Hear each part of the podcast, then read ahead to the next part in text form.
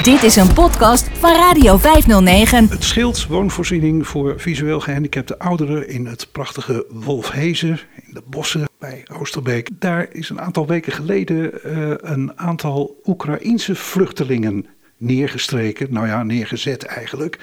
Daar ga ik even over praten met Jan Achterberg. Hij is voorzitter van de cliëntenraad van het Schild. Jan, wie heeft nou eigenlijk het idee geopperd om uh, meer dan 30 Oekraïense vluchtelingen op te nemen in het schild? Uh, om te beginnen zijn het er precies 30. Dat idee komt van de gemeente Renkum. Die was op zoek naar, naar, naar ruimtes om uh, mensen op te vangen. Hè. Die hebben een soort taakstelling gekregen van jullie moeten zoveel vluchtelingen op, opnemen. En zoveel Oekraïners. En nou ja, ze wisten dat er bij ons woningen leeg stonden. Het klinkt een beetje alsof het door de strot is gevrongen. Het is niet door de strot gedollen, maar het is natuurlijk wel zo van... De gemeente Renkum die heeft dat gevraagd en het schild heeft gezegd... ja, wij voelen ons maatschappelijk verantwoordelijk om daar aan mee te werken. En uh, nou, toen, toen was het eerst nog sprake van dat er blinde en slechtziende mensen uit de Oekraïne zouden komen. Er zouden drie groepen onderweg zijn, maar ja, die zijn uh, nooit in Nederland aangekomen. Of de, daar, daar weten we niet precies wat ermee gebeurd is. Uh, en toen heeft de gemeente Renkum die heeft gevraagd van mogen we dan kinderen en, en, en gezinnen met kinderen bij jullie, bij jullie plaatsen. Ja, dat is dus een heel andere uh, doelgroep zou je bijna kunnen ja. zeggen. Uh, ja. Dan de, de doelgroep, de bewoners van het schild. Botst dat niet met elkaar? Um, daar waren we wel bang voor. Een uh, aantal mensen hadden, vind ik, ook gegronde angst van dat het zou gaan botsen in de zin van uh, ja, kinderen die rennen door het park laten, laten speelgoed slingeren uh, enzovoort enzovoort. Hè? En mensen vallen daarover.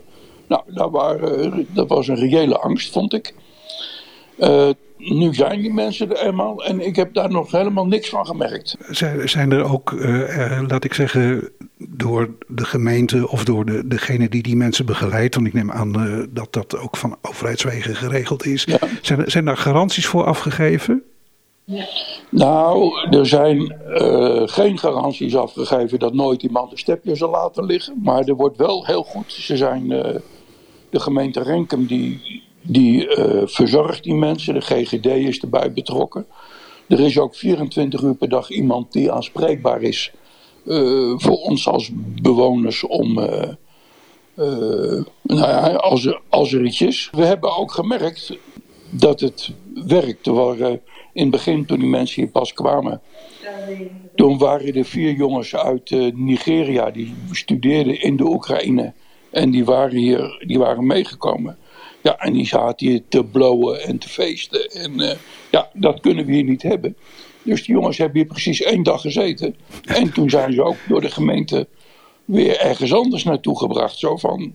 Dus ik vind ze heel alert in het, uh, in, in, in het omgaan met dat soort, met dat soort dingen. Oké, okay, en je zegt, uh, nou ja, ze zitten er nu een week of tweeënhalf week of zo. Ja, ja, ja, ja.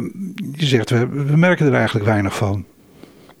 Nou, ik moet zeggen, ze zitten op, in een deel van het gebouw redelijk dicht bij elkaar. En ik moet je heel eerlijk zeggen, ik heb er nog geen één gezien. Nee, ik heb er nog niemand uit de Oekraïne tegengekomen. Dus ze, ze, uh, ja, ze, ze, zitten een beetje apart, zodat ze niet ze hoeven te mengen met, uh, met de bewoners. Ja. Er is ook een, een soort huiskamerachtige plek waar ze bij elkaar kunnen komen. En, uh, ja, en er zijn er een aantal die werken. Er zijn een aantal kinderen die naar school gaan. Dus uh, ja. Het gaat allemaal ongemerkt. Tot nog toe wel. Ja. ja. ja. Betekent dat dan ook dat de mensen die uh, bezwaren en angsten hadden, dat die zijn bijgedraaid?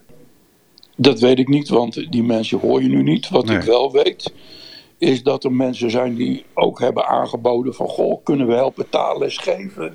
Kunnen we ontmoetingen organiseren tussen de Oekraïners en mensen uit het schild?